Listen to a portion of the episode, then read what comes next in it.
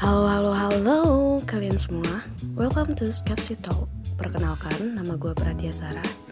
Di podcast ini, gue bakalan ngebahas banyak topik-topik random dan pengalaman yang pernah gue alami.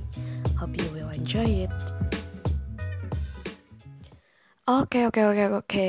Kita mulai podcast ini.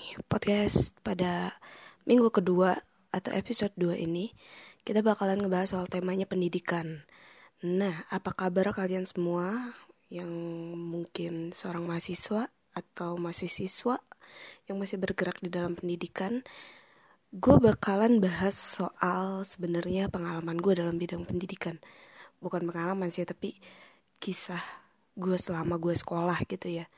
Nah, uh, sebelum masuk ke topik itu, kita recap dulu uh, apa aja sih yang terjadi di Indonesia belakangan ini. Yang pertama, ini gue take jam 1.23 malam tanggal 28 Maret. Gue baca uh, kemarin tanggal 27 Maret Gunung Merapi di Yogyakarta erupsi lagi. Seperti biasa, sepertinya Merapi kayaknya tiap tahun selalu erupsi ya.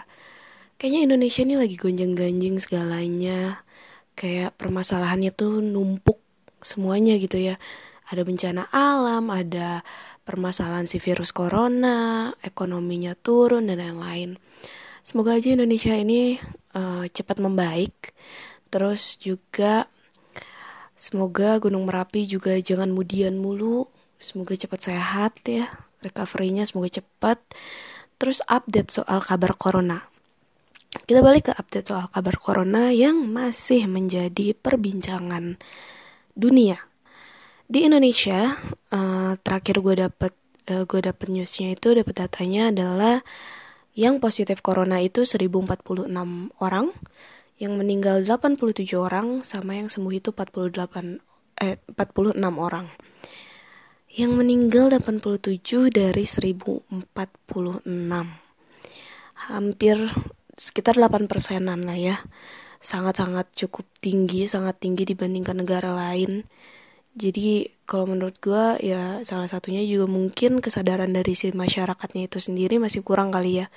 Jadi makin tinggi aja, tapi semoga aja sih cepat membaik nih. Karena makin lama makin ribet juga. Kita aktivitas juga jadi terbatas karena corona ini gitu. Ya semoga Indonesia cepat sehat. Obrolan selanjutnya itu adalah tentang UN yang ditiadakan karena faktor corona. Gila, gila, gila. Nih se sedahsyat itu corona ya, sampai mentiadakan UN. Ini anak-anak tahun ini tuh lulus karena bukan karena ilmu pengetahuan dalam otaknya, karena faktor virus corona mereka lulus gitu. Sesuatu hal yang harus diapresiasi faktor corona mereka lulus dengan dengan terhormat karena corona, bukan karena UN. Ya, ada sesuatu positif negatifnya kali ya UN dihapuskan atau enggak. Tapi mungkin bagi mereka yang ngejalanin UN itu jadi suatu hal yang bahagia. Mereka nggak perlu ngejalanin UN dan pertimbangan kelulusannya itu jadi dari akumulasi nilai mereka selama dari semester 1 sampai semester 6 lagi pula untuk SMA UN juga nilainya kayaknya nggak kepake-pake amat ya. Karena masuk perkuliahan juga lewat SBMPTN sama ujian mandiri juga sih ujian-ujian lagi gitu kayak skor UN kadang gue juga mikir waktu gue zaman SMA gitu ya kalau misalnya gue bisa nggak UN ya udah mending gak UN gitu terus langsung lulus aja. Karena gue tahu bahwa gue kuliah bakalan melewati jalur SBMPTN sama mandiri gitu kayak capek-capekin diri aja pakai UN UN segala. Tapi yang namanya juga peraturan dari negara ya mau nggak mau diikuti. Terus karena faktor UN ditiadakan anggaran si UN ini dialirkan ke menanggapi soal si corona di mana sekitar 405 miliar dana UN di uh, apa ya disalurkan untuk mengatasi corona ini. Ya kalau bagi gue itu adalah sebuah kebijakan yang sangat baik. Gue apresiasi sekali sama Pak Nadim ya kayaknya hebat banget. Karena UN kita ngomongin soal sekolahan gue ingin cerita sedikit soal um, apa ya perjalanan sekolah gue yang mungkin sangat aneh. Oke kita mulai dari masa kuliah aja. Mungkin kalau misalnya gue tuh ada cerita yang untuk soal SMP gitu ya tapi kayaknya itu bakalan masuk ke episode lain karena di situ bakalan lebih ke uh, bullying terus trigger mental illness dan lain-lain lah tapi itu bakalan gue masukin episode lain.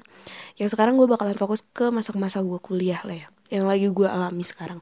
Gue tuh kuliah uh, sekampus sama bapak gue sendiri. Di mana kadang gue diajar sama dia juga. Kalau misalnya mata kuliahnya dia yang ngajar. Apa sih rasanya? Rasanya adalah canggung coy.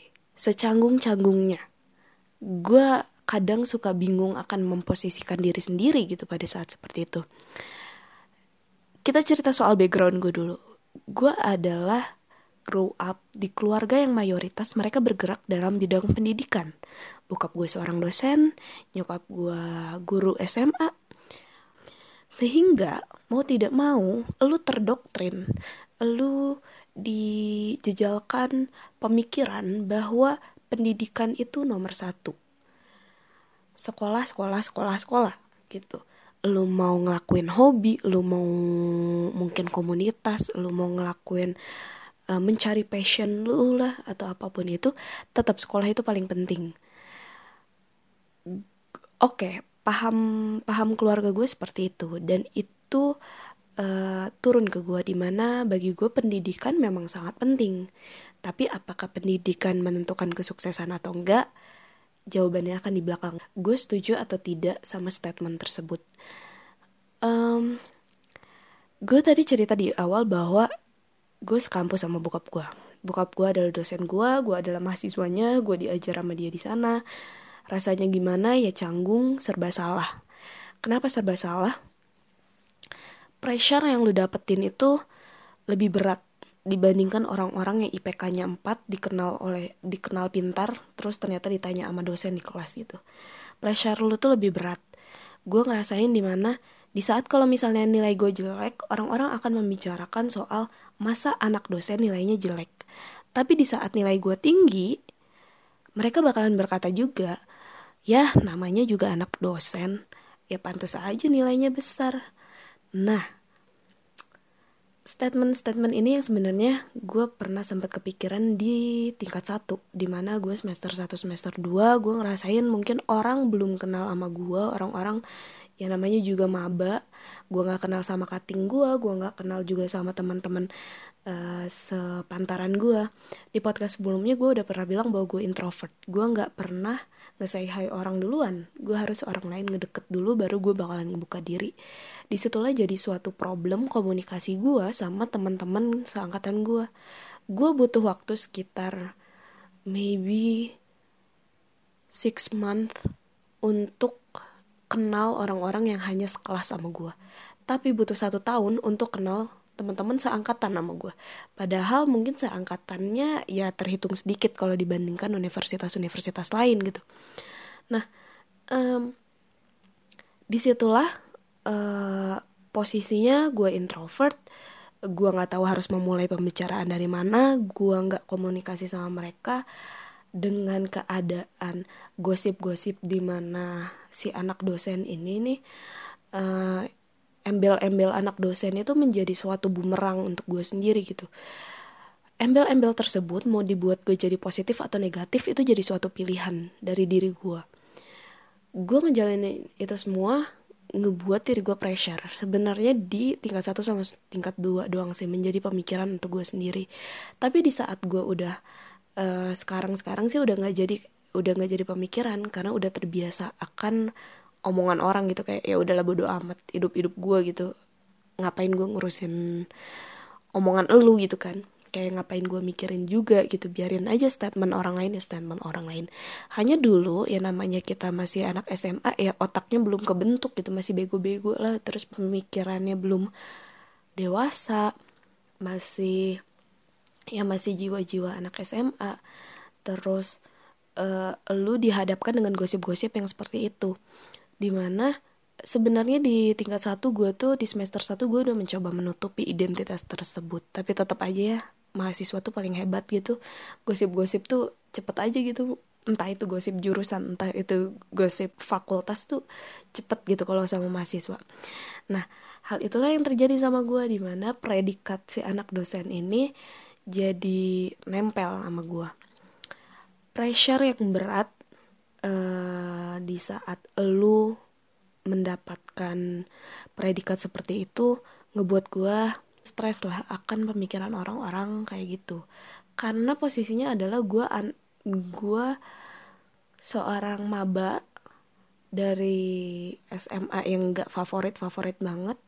Gue nggak pintar-pintar banget. Gue nggak pernah ranking tiga besar zaman gue SD SMP SMA sehingga ngebuat gue jadi kayak apa yang harus gue lakukan ya? Uh, memikirkan kalau misalnya gue nilai gue bagus ya gue juga dibilang namanya anak dosen ya udah biarin pasti bagus gitu. Tapi kalau nilainya gue jelek gue malu-maluin nama bokap gue juga. Nah di situlah menjadi suatu pemikiran bagi gue, oh iya gue harus menyesuaikan. Gue harus tahu kalau pressure yang gue pegang itu semakin besar, tekanan ya dari sana sini gitu dari omongan kanan kiri. Nggak hanya nggak hanya cutting gue nggak hanya mungkin teman-teman gue yang setara atau mungkin junior junior gue yang di bawah gitu yang tingkat bawah. Sampai kadar dosen pun kan ngomongnya kayak gitu gitu. Predikat tersebut yang sebenarnya ngebuat gue beban di kampus. Tapi selama gue jalanin mungkin bokap gue juga menjadi sebuah ekspektasi gitu ya. Bokap gue mempunyai ekspektasi bahwa anaknya ya harus jadi nomor satu gitu. Ya walaupun mungkin gue bisa bilang bahwa setiap kalau misalnya ya itu namanya pemikiran orang tua ya. Orang tua ingin anaknya menjadi yang paling baik. Ya itu adalah uh, sesuatu hal yang biasa gitu ya. Emang semua orang tua inginnya kayak gitu anaknya lebih baik gitu. Hanya bagi gue yang ngejalanin adalah menjadi orang yang uh, apa ya ada tuntutan dari orang tua yaitu di mana lu harus jadi nomor satu itu menjadi berat.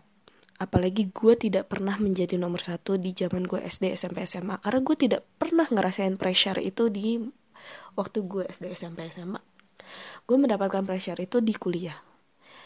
Uh, dan gue sadar bahwa memang ada tanggung jawab gue di situ. Uh, gue bukan mahasiswa biasa. Gue punya tanggung jawab tersendiri di mana gue ngejaga nama orang tua gue gitu. Ngejaga nama bokap gue supaya tidak tercoreng. Ya salah satunya kalau misalnya gue bego gitu kan nama bokap gue pun bakalan bakalan jelek. Dan itulah salah satu faktor yang ngebuat gue menjadi sadar uh, bahwa ya gue harus lebih baik gitu. Gue harus berusaha sekuat tenaga untuk menjadi orang yang sesuai dengan ekspektasi bokap gue atau setidaknya gue nggak malu-maluin dia lah di kampus ini gitu. Nah um, apa sih yang ngebuat gue bisa bertahan akan hal tersebut? Hmm, bagi gue sendiri sih pressure yang ada gue ubah menjadi sesuatu. Maksudnya kan kata pressure tuh lebih kayak negatif ya. Kayak sifatnya tuh kayak negatif. Ditekan dari kanan kiri omongan dan lain-lain sifatnya tuh negatif. Tapi gue ubah itu menjadi positif gitu. Si pressure ini gue ubah di pola pikir gue supaya jadi sesuatu hal yang positif. Sesuatu hal yang memotivasi gue untuk menjadi lebih untuk bisa break out my limit gitu. Untuk keluar dari limit gue untuk uh, menjadi Tias yang lebih baik.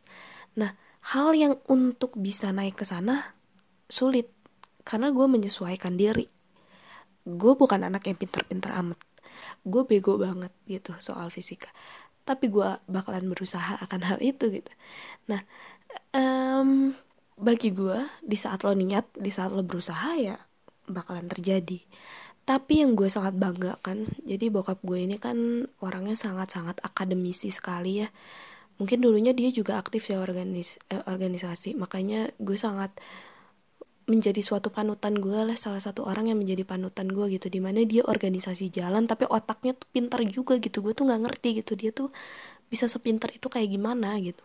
Nah gue tuh bokap gue tuh salah satu panutan gue gitu. Di mana lu akademisi sekali nih tapi lu jangan lupa organisasi itu penting.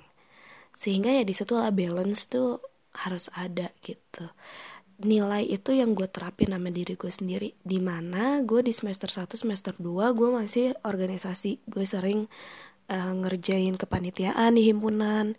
Walaupun sekarang udah enggak karena gue tahu bahwa limit gue gak bisa nih. Kalau tingkat sekarang gue masih organisasi kayaknya bakalan terabaikan akademik gue tapi karena gue tahu bahwa uh, gue ada suatu tanggung jawab di mana gue menjaga nama baik bokap gue ya mau nggak mau ya gue lepas organisasi untuk fokus ke akademik supaya setidaknya nama bokap gue itu akan baik gitu. Jadi kalau misalnya IPK menjadi suatu parameter atau goals untuk diri gue iya atau tidak mungkin semester 1-2 bilang iya. Dulu pemikiran gue belum sejauh ini tapi kalau sekarang enggak IPK tuh udah jadi nggak sesuatu hal yang penting kalau untuk gue sendiri. Karena gue merasa bahwa banyak orang-orang yang mendapatkan IPK besar tapi dengan sorry to say nih ya kalau di saat lu ditanya sesuatu hal tuh dia nggak ngerti gitu. Jadi entah itu ya nggak tahu lah mungkin bisa. Karena kan dosennya bermacam-macam ya dapat nilainya. Entah itu kalian ngedeketin dosen itu sendiri terus karena dekat dia dapat dapat nilai yang lebih baik gitu. Karena bagi gue udah ya beda lah culture-nya gitu. Maksudnya kayak IPK tuh udah jadi bukan parameter lu pinter atau enggak. Karena bagi gue di saat seseorang IPK tinggi tapi di saat pas dikasih pertanyaan atau studi kasus dan lain-lain terus diajak ngobrol ternyata hmm, kayaknya enggak deh. Menurut gue jadi ada sesuatu hal yang kayak lah nilai IPK lu tuh apa? gitu itulah kenapa bagi gue IPK udah menjadi bukan parameter gue bahwa kuliah itu harus punya goals IPK dulu gue tuh tipikal orang yang suka nge-goals. Kayak buat goals goals list gue adalah kayak misalnya gue inget banget semester 1 gue bilang bahwa gue ingin IPK gue di atas 3,5 tercapai? Iya tercapai. Enjoy? Tentunya tidak. Karena bagi gue di saat lu mendapatkan IPK besar lu uh, ambisius akan hal itu, lu akan lupa kebutuhan lain dari diri lu sendiri. Salah satunya adalah menikmati prosesnya. Lu lupa hal itu karena lu terlalu fokus sama tujuan lu. Itulah yang sekarang gue sadar bahwa sekarang gue tidak pernah menuliskan goals uh, exactly gue tuh apa gitu kayak gue harus 3,5 gue harus di atas 3 atau apa gue tidak pernah membuat goals yang terlalu uh, apa ya detail atau poinnya banget. Gue lebih kayak sekarang tuh ya pokoknya yang penting gue lalui prosesnya mm, gue berusaha dengan sangat keras sekuat tenaga gue berusaha tapi gue tetap harus enjoy menjalani prosesnya. Abis itu hasilnya gimana nanti? Yang penting ilmunya lu dapet gitu karena kadang nggak semua orang yang mungkin dia sebenarnya pinter. Tapi pada saat ujian entah itu nervous entah itu uh, apa ya mungkin ada permasalahan tiba-tiba di pagi hari pada saat hari dia ujian yang ngebuat dia malah kacau pemikirannya pas ujian. Makanya nilainya jelek. Jadi kayak udah nggak IPK tuh kayak nilai itu udah bukan jadi suatu parameter kepintaran lu lah gue bisa ngelihat orang pintar enggaknya tuh dari kayak ngobrol aja gitu. Di saat lo ngobrol sama nih orang ih gila ya nih orang kayaknya uh, tahu segalanya. Jir pinter banget nih orang gitu. Dan kelihatan mana yang apa ya berbobot atau enggak gitu. Akhirnya dari situlah gue mulai menghargai orang lain. Entah itu gue tidak pernah menjadi ambisius lagi dalam artian lu memang harus punya tujuan dalam hidup tapi uh, lu jangan terlalu fokus sama tujuan itu sampai lu lupa bahwa ada manusia lain. Jangan sampai lu lupa bahwa lu tuh sesama manusia. Lu juga harus memanusiakan manusia lain gitu. Jangan main asal dupak orang lain untuk demi nilai lu paling great lu paling atas. Jadi bagi gue sekarang adalah gue menikmati prosesnya. Gue dapat apa yang didapatkan ya gue udah bersyukur aja alhamdulillah gitu. So far nggak uh, nggak harus ngulang. Jadi bagi gue kayak sekarang lebih dibawa enjoy lebih dibawa santai aja. Nikmati prosesnya karena ternyata pelajaran yang paling besar itu bukan pada saat lu ujian dan nilai lu bagus gitu. Pelajaran yang paling besar adalah saat lu dalam proses mendapatkannya. Bukan di satu titik lu dapat nilai udah gitu. Tapi proses itu yang mendewasakan lu gitu. Proses perjuangan lu lah yang ngebuat lu um, menjadi apa ya yang lebih baik dan nilai yang bisa lu dapat eh, nilai pelajaran yang lu dapatkan gitu. Bukan dari skornya. Jadi goals bagi gue sekarang adalah bukan nilai tapi proses. Itu goals gue adalah sebuah proses. Jadi goals gue adalah perjalanannya bukan tempat tujuannya. Gitu. Itu pemikiran gue terus ada satu habits yang mungkin gue bakalan terapin juga nanti suatu saat nanti sama anak gue karena gue merasa bahwa habits itu yang bokap gue tanemin sama gue dan berguna banget sampai sekarang. Waktu dulu gue dari mungkin zaman TK gue udah uh, terbiasa dibiasakan oleh orang tua gue adalah dari jam 7 malam sampai jam 9 malam itu gue belajar tidak ada elektronik yang nyala dalam artian kayak handphone, televisi, radio atau laptop kayak gitu nggak ada deh. Lu fokus ya duduk di meja belajar, lu baca buku, lu ngerjain tugas atau apa pun itu selama dua jam lu belajar sehari. Itu dari Senin sampai Sabtu. Kecuali hari Minggu gue masih bisa bebas. Nah, di satu titik zaman gue SMP, uh, gue pernah menawar sama bokap gue yang berlatar belakangi adalah karena gue uh, waktu di kelas gitu ya sama teman-teman gue teman-teman gue tuh ngobrolin kayak misalnya uh, sinetron yang lagi tayang di jam 7 sampai jam 9 malam itu gitu. Mereka ngobrolin topik itu. Terus pada saat gue ngobrol tuh gue nggak pernah nyambung sama mereka. Sampai akhirnya gue ngerasa kok sedih ya gue nggak ada temennya gitu? Karena gue nggak eh, nggak uh, satu konteks sama mereka nggak satu pemikiran. Karena gue tidak pernah nonton si acara itu misalnya. Di situlah gue ngerasa kayak ih kok orang lain tahu hal itu lah? Kok gue nggak tahu? Gitu. Sampai akhirnya gue berdiskusi atau menawar lah sama bokap gue. Pah aku nggak mau dong belajar dari jam 7 sampai jam 9 lo kok nggak mau? Iya teman-teman aku aja nonton jam segitu gitu kan. Uh, terus bokap gue bilang ya nggak boleh dong tapi kamu harus tetap belajar. Nah akhirnya gue menawarkan lah adalah tawaran gue awalnya ya udah deh ade belajar sehari dua jam tapi waktunya terserah aku sendiri yang tentuin gitu. Terus bokap gue kayak mikir ya emang yakin nih? Tapi uh, ada perjanjian dari bokap gue adalah kalau misalnya nilai gue uh, satu semester ke depan tuh ternyata naik atau setidaknya konsisten metode yang gue tawarin itu boleh dilakukan tapi kalau misalnya nilai gue turun maka harus balik ke uh, metode bokap gue yaitu belajar dari jam 7 sampai jam 9 malam. Nah akhirnya dari situlah gue memperjuangkan supaya nilai gue bisa naik sehingga gue terlepas dari kebiasaan jam 7 sampai jam 9 malam itu belajar gitu. Akhirnya gue menjalaninya pas rapot keluar ternyata nilainya naik. Akhirnya berarti kan gue tidak punya kewajiban lagi dari jam 7 sampai jam 9 harus waktu itu belajar gitu. Tapi gue masih punya tanggung jawab di mana dalam satu hari gue harus belajar selama dua jam. Metode itu terus gue berjalan sampai mungkin kayaknya gue SMA. Di kuliah gue gak pernah belajar tuh. Pokoknya setelah lulus kelas 3 gue gak pernah belajar. Kelas 3 SMA gue gak pernah belajar hanya untuk nyiapin SBMPTN atau misalnya ujian mandiri dan lain-lain lah. Sampai akhirnya uh, gue sadar bahwa di kuliah walaupun gue tidak pernah belajar tapi pelajaran yang gue pelajari di kelas tuh masih masuk gitu.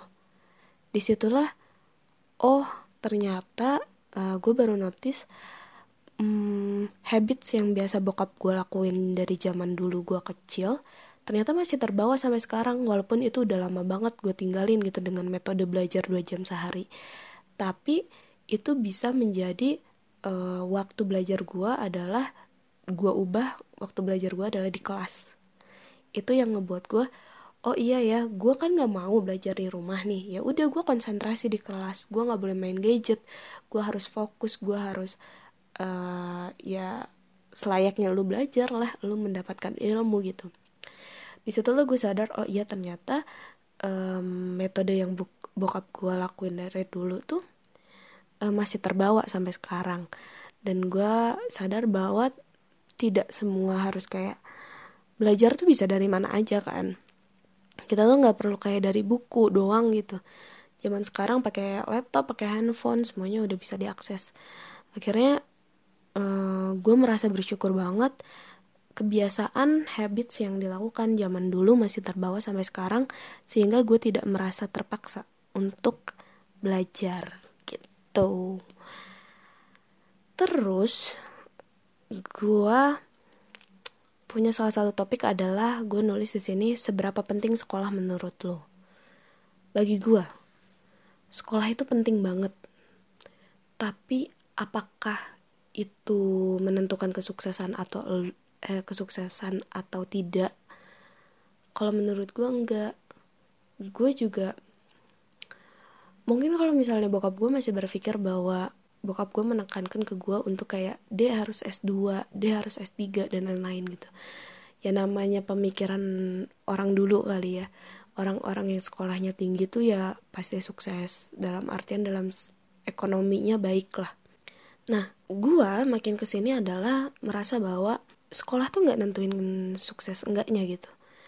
Tapi uh, kalau ditanya sekolah penting atau enggak penting. Kalau misalnya seberapa penting ya sangat penting. Hanya kenapa gue bisa sebut penting? Karena bagi gue sekolah tuh bukan soal lu belajar matematika satu tambah satu sama dengan dua gitu. Nggak soal itu doang. Ya oke okay lah itu lu dapetin secara akademisnya gitu ya. Lu soal belajar sains, lu pengetahuan sosial kayak gitunya, oke okay lah dipelajari. Tapi bagi gue, hal yang paling penting yang gue dapetin dari sekolah adalah komunikasi. Bayangin kalau misalnya tidak ada sekolah, kita tuh nggak kita nggak ada teman teman teman kita tuh hanya ya udahlah anggaplah orang komplek atau enggak rumah rumah ya keluarga kita sendiri gitu. Sehingga public relation lu tuh sangat jelek. Uh, public speaking lu sangat jelek. Uh, toleransi ak akan ke orang lain juga bakalan akan jelek gitu. Karena lu tidak pernah melatih diri lu seperti itu gitu. Nah uh, bagi gua sekolah itu adalah yang gua pelajarin ya nilai kehidupannya. 70% nilai kehidupan 30% ya baru nilai ya akademiknya lah gitu ya. Karena bagi gue di saat gue kayak misalnya SMA atau SMP gue bakalan ketemu orang-orang yang mungkin beda komplek sama gue mungkin bisa jadi e, beda wilayah dia dari kota gue dari kabupaten. Orang-orang yang berbeda bersatu tuh di sekolah. Mau nggak mau lu ketemu orang baru lu mencoba untuk berkomunikasi sama mereka lu toleransi akan mereka gitu. Hal itu yang membuat lu terbentuk sekarang. Makanya bagi gue sekolah yang gue ada sekarang gitu yang ngebentuk gue pola pikir cara e, cara lu bersikap cara lu bicara lingkungan lu lah yang ngebuat ngebentuk lu tuh seperti itu. Karena bagi gue oke okay lah orang tua tuh ngebuat lu ya memberi pendidikan itu lebih sedikit daripada orang di lingkungan lu teman-teman lu itu tuh yang sangat-sangat berperan penting untuk pembentukan lingkungan lu. Hal yang ngebuat gue sadar bahwa kenapa gue butuh sekolah adalah komunikasinya itu komunikasi ketemu orang lain bersosialisasi itulah pelajaran yang paling penting dibandingkan pelajaran matematika fisika atau kimia gitu. Yang paling penting adalah di saat lu uh, berkoordinasi sama orang lain ini nih bekerja sama secara tim sama orang-orang baru itulah hal yang terpenting bagi gue dari sekolah. Makanya kenapa bagi gue sekolah itu penting? Salah satunya adalah sebenarnya uh, relation lu antara manusia ke manusia lainnya. Bukan soal uh, fisika kimia matematika bahasa Inggris ataupun apa pun itu gitu. Itulah menurut gue hal yang paling penting. Jadi kalau misalnya sekolah menentukan kesuksesan atau enggak bagi gue sih kagak. Karena sukses itu tergantung pola pikir lo. Sukses itu um, ngelihat dari skill lo berorganisasi ngelihat soft skill lo. Tapi jangan pernah lupa uh, soft skill memang penting. Gue tahu bahwa banyak orang-orang yang berorganisasi sampai lupa akhirnya akan akademik saking mereka tuh terlalu nyaman di sana. Karena kalau misalnya soft skill lu sangat bagus tapi tidak ada keilmuannya juga akhirnya ya mudah dibohongi kalau misalnya soal keilmuan itu sendiri. Ya oke okay lah lu membuat link sangat baik tapi kalau misalnya uh, teorinya lo nggak ngerti ya tetap aja gitu jadi kayak sesuatu hal yang enggak inilah nggak worth it gitu. Jadi ya tetap aja harus balance di mana lu melatih soft skill lu lu juga melatih akademik lu. Ya harus balance. Pemikiran soal sekolah bagi gue ya kayak gitulah ya. Di mana momen lu grow up di mana momen lu pembentukan diri di mana lu mencari jati diri lu di lingkungan lu ya be better aja sih di sana gitu. Uh, pilih lingkungan lu yang baik supaya lu menjadi orang yang lebih baik gitu So, segitu aja untuk minggu ini. Semoga ada pelajaran yang bisa kalian ambil uh, dari obrolan ini. And see you next week. Have a nice day. Bye bye.